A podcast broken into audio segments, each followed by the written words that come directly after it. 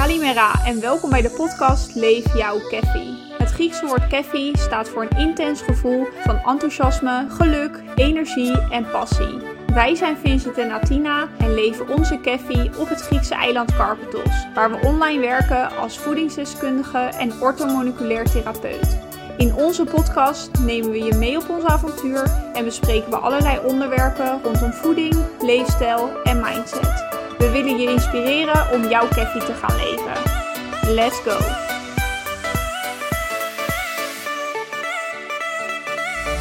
Ja, welkom bij onze allereerste podcast. Echt de allereerste podcast dat wij uh, gaan praten en dingen gaan vertellen. We wilden nu nog niet gelijk allemaal onderwerpen bespreken, maar we dachten laten we van deze eerste podcast gebruik maken om onszelf wat meer voor te stellen, wat we doen, wie we zijn. En uh, ja, Vincent, wie ben jij eigenlijk? Ja, dat is een goede vraag. Nou, voor de luisteraars, dit is de eerste keer dat jullie mijn stem horen. Ik ben dus Vincent. Ik heb ooit civiele techniek gestudeerd. En vanuit daaruit ben ik gerold in de wegenbouw en de kassenbouw. Maar inmiddels ben ik ortomoleculair therapeut. Die passie voor voeding en lezen heb ik altijd al gehad. En door mijn schoonvader, die ontzettend veel en graag leest, ben ik me ook meer gaan verdiepen in management, mindset en eigenlijk hoe de wereld in elkaar zit. Mijn allereerste boek was Stephen Covey, De Zeven Eigenschappen van Effectief Leiderschap. En vanuit daaruit ben ik meer gaan lezen en podcasten gaan luisteren. En nog een leuk weetje over mij. Ik ben dus echt dol op koffie. Zwarte koffie. Dat wat Tatina drinkt, dat noem ik dus geen koffie. Nee, ja, tuurlijk niet. Maar uh, ja, ik gooi uh, er ook allemaal uh, lekkere amandelmelk in. Ja. allemaal lattes. en collageen, en collageen. Maar inmiddels probeer ik wat te minderen. Want ja, het hooikortseizoen is begonnen. En koffie en hooikort, dat gaat niet zo lekker samen. Maar daar ga ik jullie binnenkort meer over vertellen in een toffe podcast over hooikoorts. Nou, Attien, is het tijd voor jouw story. Yes, ik ben uh, dus Atina. Ik heb toerisme gestudeerd. Um, en heb uiteindelijk uh, door, door ziekte, waar we het later nog even over gaan hebben, heb ik heel veel thuis gezeten. Um, uiteindelijk wel weer wat administratieve baantjes hier en daar gehad. Uh, maar bracht uiteindelijk niet echt voldoening. En toen Vincent de opleiding tot orthomoleculair therapeut ging volgen, ben ik eigenlijk voor voedingsdeskundige gegaan. En inmiddels ben ik bezig met een opleiding tot hormoonexpert. Uh, nou, het is denk ik wel even leuk om te vertellen dat wij uh, verloofd zijn inmiddels. Yay, sinds uh, vorige maand. en uh, we zijn inmiddels bijna tien jaar samen. Um, dus we hopen dat er volgend jaar een Big Fat Greek Wedding aankomt. dat we altijd hebben gezegd van, nou ja, als we gaan trouwen dan... ja, dan moet dat wel op Griekenland ja, gebeuren. Dus voor alle vrienden die luisteren jongens, jullie moeten deze kant op komen. Um, ja, en verder, ik ben echt dol op astrologie. Ik vind het super interessant voor de mensen die het willen weten. Ik ben een ram. Oh jee. Um, ja, heel fijn uh, voor de mensen die het weten. Ik ben een ram, Vinus een leeuw en mijn ouders ook. Dus uh, je kan wel nagaan uh, wat dat met z'n vieren voor chaos meebrengt. Maar goed. Tot op één, dan gaat het goed. Ja, ja. Um, en ik ben verder echt helemaal dol op uh, true crime. Echt podcasten, Netflix-series, uh, Investigation Discovery. Ik uh, kijk echt alles. Ik kan ja. daarna alleen niet slapen. Nee, dat wilde ik net zeggen. Het liefst film zullen we nog eventjes nog eentje kijken en dan heel de nacht lekker wakker liggen. Ja, maar goed, dat, dat hoort erbij. Ik, het weerhoudt me in ieder geval niet om te stoppen met, met mijn goede verslaving. Je hebt er wel passie voor. Ja. Ja, en daar is natuurlijk eigenlijk allemaal begonnen, waar ik het net over had. Het feit dat ik natuurlijk ziek werd. Ja, ja, met je verhaal dat je natuurlijk een paar jaar geleden werd je ziek. En toen had je heel erg last van migraine. Ja, ik denk dat het er ook best wel langzaam is ingeslopen. Want uiteindelijk bij de dokter weet ik ook nog wel dat ik zei van... Het begon toen ineens. En als je later terugkijkt zien we wel dat het al veel langer wel gaande was.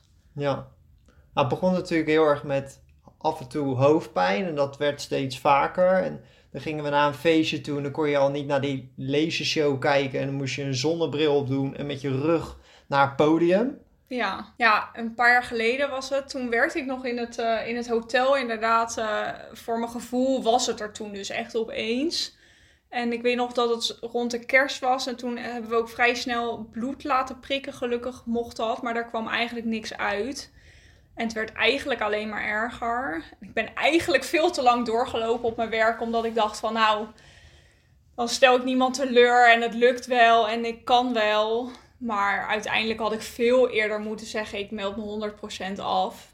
Ja, echt kiezen voor jezelf. Ja, dat heb ik wel echt, dat is wel echt een leerfase geweest voor mij destijds. Ja, uiteindelijk ben ik daar ook weggegaan, omdat ja, ik had nog geen vast contract, dus die... Uh... Ja, je, hebt, je bent natuurlijk ook echt een jaar lang thuis gezeten. Hè? En dat je af en toe wel kwam werken om het weer te proberen. En uiteindelijk heb je natuurlijk gezegd, ja, het is gewoon klaar, dit moet ik niet doen. Nee, Nee, en ook omdat inderdaad het contract niet werd verlengd. Ik denk dat wij anders ook wel op een punt hadden gestaan dat we hadden gezegd van nou, dit doen we niet meer. Maar ja, dat was ook een reden dat ik echt thuis kwam te zitten in de ziektewet. We hebben toen, ik denk misschien wel twee jaar dat we echt ziekenhuizen in en uit hebben gelopen voor van alles. Want niemand kon wat vinden. We zijn met de reumatoloog geweest. Bij de oogarts, omdat ik van mezelf een lui oog heb als kind zijnde. Dus ze dachten al vrij snel, nou dat, is dat het wel. Ik heb MRI-scans gehad. Daar kreeg ik allemaal hele zware medicijnen en antidepressiva voor. Waar we ook niet echt blij mee waren, maar goed. Uh, dat hielp ook niet. Ik heb zelfs nog een operatie gehad aan mijn neusholte. Omdat ze dachten dat het snot in mijn neus de hoofdpijn veroorzaakte. Toen hebben we zelfs nog een operatie gehad. En ik weet nog dat het op Koningsdag was. Maar zij kon nergens heen, want jij moest mij ophalen uit het ziekenhuis. Ja, dat was, dat was echt heel snel. dat was echt bizar, inderdaad ja, we hebben echt, ja, ik denk echt dat we inderdaad twee jaar wel heen en weer zijn gelopen. Ja, je hebt zelfs nog een, op eigen kosten heb je nog een, een lijntest laten doen in oh, Duitsland. Gelukkig hè, kwam eruit dat je daar niet uh, last van had. Nee, ja, dat was ook nog wel iets inderdaad. Want ik weet nog dat de huisartsen op een gegeven moment... We hadden al heel veel geprobeerd op dat moment. En we wilden heel graag nog die Lyme-test doen, omdat uh, we ondertussen ook naar een orthomoleculair therapeut waren geweest. Daar is eigenlijk ook een beetje, denk jouw passie echt voor dat stukje op het gebied van voeding en lifestyle begonnen. En ik ben met haar aan de slag gegaan, maar zij zei ook wel van check ook wel even of je geen lijm hebt. Weet je, laat dat even nachecken. En ik weet nog dat de huisarts tegen mij zei, ik was met mijn vader erheen en mijn vader was echt pistof, want ik kon niet eens alleen meer naar de huisarts, want ik was helemaal op. Dat ze zei van, ja, hierna gaan we echt niks meer doen na tien, want je bent zo duur voor de zorg en er komt toch niks uit. Je moet er gewoon mee leren leven. Dus ik geef nog één keer toestemming. Maar hierna moet het echt een keertje ophouden. Want uh, ja, hier moet je gewoon mee leren leven. Nou, we zijn toen uiteindelijk aan de slag gegaan met dat orthomoleculaire. Omdat we daar samen heen waren geweest. En dat vonden wij echt super interessant allebei. Dat voeding eigenlijk een oplossing kan zijn voor heel veel klachten. Omdat zo verschrikkelijk veel dingen voedsel gerelateerd zijn. Ja, nou, ze had natuurlijk ook een heel lijstje met allemaal triggers en ik ging ook bij mezelf na. Ik dacht in één keer, oh, uh, wel strillende handen, zwetend uh, handen en dergelijke. Ja, dat zijn allemaal weer, weer symptomen van wat er in jouw lichaam niet helemaal klopte. En dat was voor mij ook een eye-opener. Ja. ja, daar zijn we inderdaad mee aan de slag gegaan. Samen. En uh, dat heeft uiteindelijk wel geholpen. Het is eigenlijk stapje voor stapje. Het was sowieso al super fijn dat ik uiteindelijk volledig thuis zat. Want dat had ik wel echt nodig ook. Uh, ik heb denk ik 2,5 jaar uiteindelijk heb, heb ik thuis gezeten volgens mij. Ja, maar wel in periodes. Dus dan ging je weer ergens werken en dan ging, werd dat bedrijf overgenomen en dan zat je weer thuis. Ja. En dan ging je weer wat doen en dan kwam je weer thuis. Ja, dat was inderdaad toen had ik net een administratieve baan gevonden en dat was voor, volgens mij was dat voor 24 uur, dacht ik. Voor drie dagen volgens mij, of iets minder. Want het waren minder lange dagen dan acht uur. Ja. Want we dachten, dat lukt vast wel. Ja, en toen, volgens mij binnen drie weken, heb ik daar gezegd: ik meld me af, ik, ik kom niet meer. Dat was het. En toen hebben we volgens mij een half jaar heb ik weer thuis gezeten. En toen merkten we echt, met, uh, omdat we mijn lichaam veel beter leerden kennen, wat ik aankon en wat niet, dat het echt wel beter ging. Ik had nog steeds wel last. Maar over het algemeen was het wel oké. Het was te doen. Ik had weer wat meer een sociaal leven. En toen ben ik weer, heb ik weer bij hetzelfde bedrijf aangeklopt. En het was super fijn dat ik daar terecht kon weer. En dat ze me vertrouwden dat het gewoon nu goed zou gaan. En dat is eigenlijk toen best wel goed gegaan. Dat was volgens mij voor 12 uur in de week dan. Dus op zich niet zoveel. Ja. Uh, maar dat was wel te doen. En af en toe wel een dagje extra als het nodig was. maar dat bedrijf werd inderdaad op een gegeven moment overgenomen. Dat was ook echt zoiets dat je denkt, tuurlijk. En toen ben ik uiteindelijk terechtgekomen waar bij het bedrijf waar ik de afgelopen jaar heb gewerkt. Ja. Nou, je hebt natuurlijk nog eerst een periode even thuis gezeten en toen kwam je bij dit uh, bedrijf terecht. Ja. En dat ging eigenlijk hartstikke goed. Ja, en dat was best wel veel. Het was 27 uur. Ik heb me wel een keertje ziek geweld met migraine, maar dat ik 27 uur kon werken in het begin, dat had ik toch misschien niet echt gedacht of zo, of wel gehoopt, maar je weet nooit. Ja, je denkt dan als je thuis zit van, nou, het lukt wel. Maar als je dan ineens dingen gaat doen, dan vergis je er af en toe in hoe zwaar het is. Maar dat ging eigenlijk best wel goed. Ja, en toen kwamen we er eigenlijk achter, toen ik daar een half jaar werkte, of nou misschien al iets daarvoor, dat we dachten van, ja, maar is dit het wel? Niet eens per se voor mij ook, maar ook voor jou.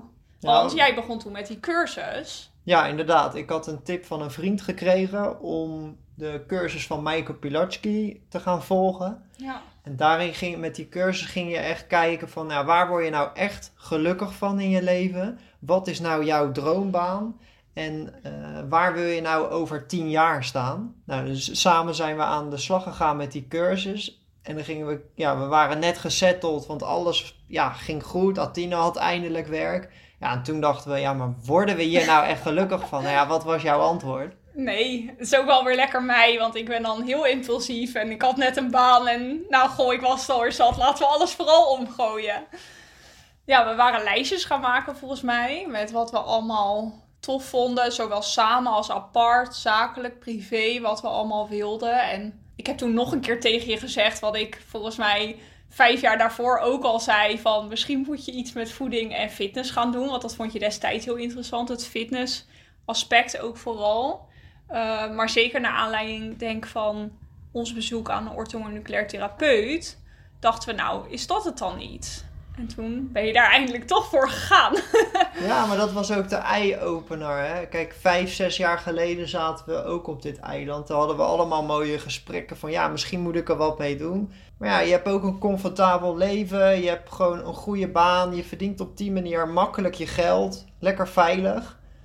Maar ja, als dan de voldoening er niet is en je denkt van hé, hey, als ik mezelf laat omscholen, dan kan ik meer met mijn passie doen. En dan kan ik echt mensen helpen om een gelukkiger leven te leiden. Want ja, alles wat jij hebt meegemaakt natuurlijk, dat is verschrikkelijk. En als je daar een steentje kan bijdragen dat mensen uh, van hun klachten afkomen of dat ze er beter mee leren leven. Ja, dat was voor mij een, uh, dat was voor mij een punt dat ik dacht van ja, dat, dat lijkt me echt gaaf. Ja. Ja, toen zijn we dat inderdaad gaan doen. Zijn we met die opleidingen begonnen. Um, ook met het idee van, ja, we vinden Griekenland zo lekker we willen er nog een keer, we zouden hier wel voor lange tijd heen willen. Nou hebben wij hier een huis, dus dat is op zich ook wel uh, makkelijker. We gaan dit gewoon doen en laten we dan gewoon in het diepe springen en een half jaar naar Carpetos gaan.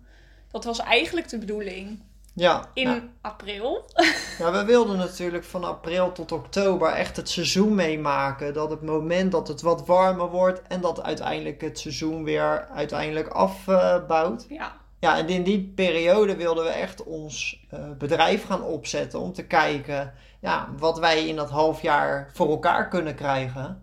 Ja, en ook hoe het hier is voor lange tijd, omdat we wel het idee hadden van, nou, misschien willen we daarna wel terug naar Nederland en houden we dit gewoon voor vakanties aan. Maar misschien vinden we het wel lekker om heen en weer te gaan reizen als je dan toch online werkt. Dan kan je makkelijk heen en weer. Ja. Maar dat ging even iets anders. Ja, toen hadden we iets van uh, corona wat er even tussendoor kwam. Ja, toen ging onze vakantie natuurlijk in september niet door. Nee, dat weet ik ook nog wel heel goed. Want een vriendinnetje van mij die appte mij best wel laat. Wij wilden net gaan slapen. Volgens mij lag ik nog half in bed al te wachten totdat jij klaar was met tandenpoetsen. Met mijn mobiel uh, nog in mijn hand. En toen kreeg ik net dat appje binnen. Zo niet slim jongens. Je appjes nog in bed openen op het allerlaatste moment. Als je rustig wilt gaan slapen. En zij appte inderdaad een berichtje van... Um, volgens mij je nu getest moest worden om op vakantie te gaan ik denk dat er misschien toen ook al wel was dat, je, dat het advies was om in quarantaine te gaan. en ik was helemaal klaar. Ik was volgens mij gelijk aan het huilen op bed. Ik zei, we kunnen niet op vakantie. Want ja, wij konden het allebei niet maken om dan tien dagen in quarantaine te gaan thuis bij terugkomst. Dit klinkt nu ook echt super dramatisch. Gewoon dat je gaat huilen omdat je vakantie niet doorgaat. Echt super luxe. Maar dat was niet helemaal wat voor mij het gevoel was. Ik ben echt mijn hart verloren aan Carpetos eh, op negenjarige leeftijd. Dus het was voor mij is, het, is altijd ieder jaar. Meestal twee keer per jaar en altijd echt thuiskomen. Dus het feit dat ik eigenlijk niet naar huis kon, dat was denk ik voor mij puur het feit dat ik zo emotioneel werd ja, van het niet op vakantie kunnen. Ja, waarom zouden we niet eerder er naartoe gaan? Waarom, ja, we gaan in april er naartoe, maar waarom zouden we niet zeggen, nou, gaan we kerst en oud en nieuw gewoon met vrienden vieren en familie? Ja, en dan gaan we gewoon al in januari die kant op. Ja, ik wist niet hoe snel ik dat moest aanpakken. Ja. Vind zij dat een beetje in enthousiasme volgens mij van, nou ja, misschien hè. En ik had gelijk bedacht, oké, we nemen ontslag volgens mij hebben we die volgende dag er nog even over gehad. Want ja, ik ben best wel impulsief en jij moet dan altijd nog even aan het idee wennen. Nou, je kreeg een dag. Ja. En toen uh, hadden we toch de knoop... veel voor ja, toen hadden we toch de knoop doorgehakt. Ja, dat we eerder weggingen. Ik heb die weken, heb ik het op mijn werk verteld dat ik wegging. En ontslag wilde nemen. Jij hebt het iets later volgens mij verteld. Ja, dus dat was de stap gezet. Dat we tegen onze bedrijven hebben gezegd, joh, hartstikke leuk. We hebben een hele mooie tijd bij jullie gehad. Maar wij gaan naar Griekenland en we gaan ons eigen bedrijf opstarten. De Keffi Lifestyle. Ja, en waarom het woord keffi? We hadden het al even gezegd in de, in de intro inderdaad. Ik ken het Griekse woord keffi eigenlijk door een boek wat ik een paar jaar terug heb gelezen. En dat boek heet uh, Falling in Honey, Life and Love on a Greek Island. En dat is van Jennifer Barkley. Het is een Engelstalig boek. Ehm, maar het is heel simpel geschreven over een vrouw die naar een Grieks eiland toe gaat en dat simpele leven eigenlijk zo fantastisch en relaxed vindt. Echt het island life, dat, dat heeft mij altijd getrokken dat ik dacht wauw. En zij beschrijft daar ook het Griekse woord keffi, wat echt staat voor een uh, intens gevoel van geluk en enthousiasme en passie. En in Nederland hebben we daar eigenlijk niet echt een woord voor. Je zou kunnen zeggen het is, het is geluk, maar voor mijn gevoel dekt dat de lading niet helemaal. En toen wij over een bedrijfsnaam aan het nadenken waren, dachten we, daar moet Keffi in. Want wij gaan onze Keffi leven en dat is ook wat we willen. Ja, voor jullie eigenlijk, voor anderen. Je wil het overbrengen. Ja. Ja, en Keffi kan je natuurlijk heel breed zien. Dat kan, wij zijn nu specifiek dan uh, voeding en leefstijl, dat we eigenlijk uh, advies overgeven. Maar het kan je op heel veel vlakken natuurlijk zien. Uh, maar ik denk dat voeding daar wel een groot onderdeel van is. Als je ziet hoeveel mensen er met klachten eigenlijk rondlopen waarvan ze denken dat dat hoort bij mij of zo. Dat heb jij natuurlijk ook al met hooikoorts gehad, maar ook met koortslip of een opgeblazen buik of wat dan ook. Ja, als je het niet weet, ja, dan kan je er ook natuurlijk niks aan doen. Nee, je krijgt vaak... Kijk, de dokters zijn wel, zijn wel leuk met bepaalde onderzoeken. Maar je krijgt ook wel snel van of ze kunnen niks vinden. Dat zie je heel erg bij PDS. Ehm, en dan is het maar, ja, ga anders maar een dieet doen. Of nou ja, je moet hier maar mee leren leven. Wat ik eigenlijk ook met migraine uiteindelijk had. Van nou ja, ik kon dan wel antidepressiva krijgen. In de zin van, nou ja, dan heb je in ieder geval iets wat totaal niet werkte. Ehm, maar er werd helemaal niet naar de oorzaak gezocht. Of dat bleef uiteindelijk niet. Ze hebben dan een bepaald raamwerk waar ze in bewegen en wat ze onderzoeken. Maar wij zijn op eigen initiatief naar een orthomoleculair therapeut gegaan. Er was geen dokter die tegen mij zei van... reageer je niet op bepaald eten? Of zit het in stress? Of slaap je heel slecht of zo? Daar werd totaal niet naar gekeken. En dat is natuurlijk nu wat wij juist heel graag willen. Mensen die bepaalde klachten hebben... Bekend of niet bekend, want sommige mensen weten... Nou, ik heb echt migraine... Uh, maar je hebt ook hele vage dingen natuurlijk, zoals een opgeblazen buik bijvoorbeeld darmklachten is natuurlijk vaak ook wel iets wat wat duidelijker is als mensen weten van, nou oké, ik heb wel de stempel PDS gekregen. Ja, een stukje lever, een stukje ontgifting, weinig energie. Ja, en ook het niet kunnen afvallen zie je nog wel veel. Ja. Wat dan echt niet lukt, terwijl mensen zeggen, ja, ik eet wel gezond. Dan zie je vaak ook dat er dus ergens iets misgaat. Ja, het gaat over dat je de voeding moet gebruiken wat voor jou werkt. En wat voor jouw buurvrouw werkt, hoeft niet voor die buurvrouw daarnaast te werken. Nee. Ja, want we merkten dat natuurlijk eigenlijk met walnoten bij mij. Daar kwamen we op een gegeven moment bij mij achter dat dat een trigger was. Want gewoon instant, als ik binnen twee uur nadat ik walnoten had gegeten, als het ook maar ergens in verwerkt was, kreeg ik migraine. Ja, dan lag je gelijk weer heel de dag op bed. En we wisten niet waar het vandaan komt. Want het, wat je zegt, het zit soms in hele kleine dingen verwerkt. En dat hele kleine beetje was voor jou al genoeg om heel de dag plat te moeten liggen. Ik weet ook niet wanneer het punt was dat we erachter kwamen. Maar ik weet wel dat we op een gegeven moment zeiden van zijn het geen walnoten. En dat ik toen een paar keer heb geprobeerd dat we wisten oké het gaat supergoed. En dat is echt, dat is echt verschrikkelijk.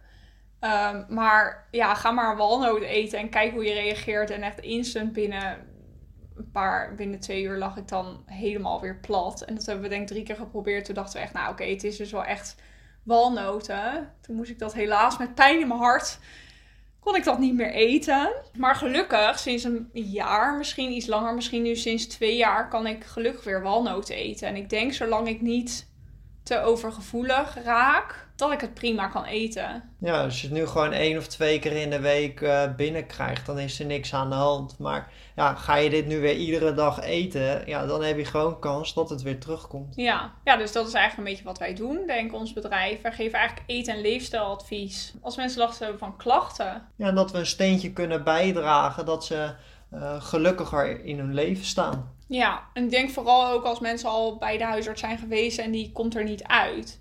Want natuurlijk, er kan altijd iets ernstigs aan de hand zijn. Dus ja, naar de dokter gaan is altijd een goede optie. Alleen er zijn ook heel veel mensen, net als wat ik had met migraine of mensen met PDS. Die lopen daar al zo lang mee en die hebben gewoon die stempel gekregen. En ja, de dokter zegt, ja, we kunnen hier niks mee. Dan is het gewoon super fijn dat er andere opties zijn om naar te gaan kijken. Over al dit soort onderwerpen gaan wij nog allemaal super toffe podcasten maken. Ja, zeker. Dat, uh, dat is ook het doel van deze podcast. Ik denk dat we heel veel gaan praten over voeding, maar ook leefstijl, mindset en... Ja, alles wat we op dit eiland ook meemaken. Ja, dat is ook wel leuk inderdaad. Zeker het eiland live hier. En we hebben ook nog wel wat plannen voor later. Maar daar kunnen we nu nog niet te veel over zeggen. Maar daar gaan we later ook nog van alles over vertellen. Ja, dat was gelijk al een teaser natuurlijk. Ja, dus um, ja, dat was het denk ik eigenlijk. Dus ik, we zijn heel erg benieuwd of jullie ideeën hebben voor de volgende podcast of voor uh, volgende reeksen. Over deze thema's eigenlijk. Waar wil jij specifiek iets over weten? Um, stuur ons dan vooral even een berichtje via Instagram. Je kunt ons vinden onder de Caffee Lifestyle. Um, dus ja, stuur gewoon eventjes een, uh, een DM om te laten weten wat jij wil dat wij gaan bespreken samen. En dan uh, zien we je de volgende keer weer. Tot de volgende keer. Bedankt voor het luisteren en hopelijk hebben we je kunnen inspireren. Vond je dit nou leuk? Deel dit dan vooral met anderen en tag ons, dat vinden we super leuk om te zien. Abonneer je alvast op ons kanaal voor de volgende podcast. En wil je nou meer weten? Check dan vooral onze Instagram, @thecafélifestyle of onze website thecafélifestyle.com. We wensen je een hele fijne dag of avond en tot de volgende keer.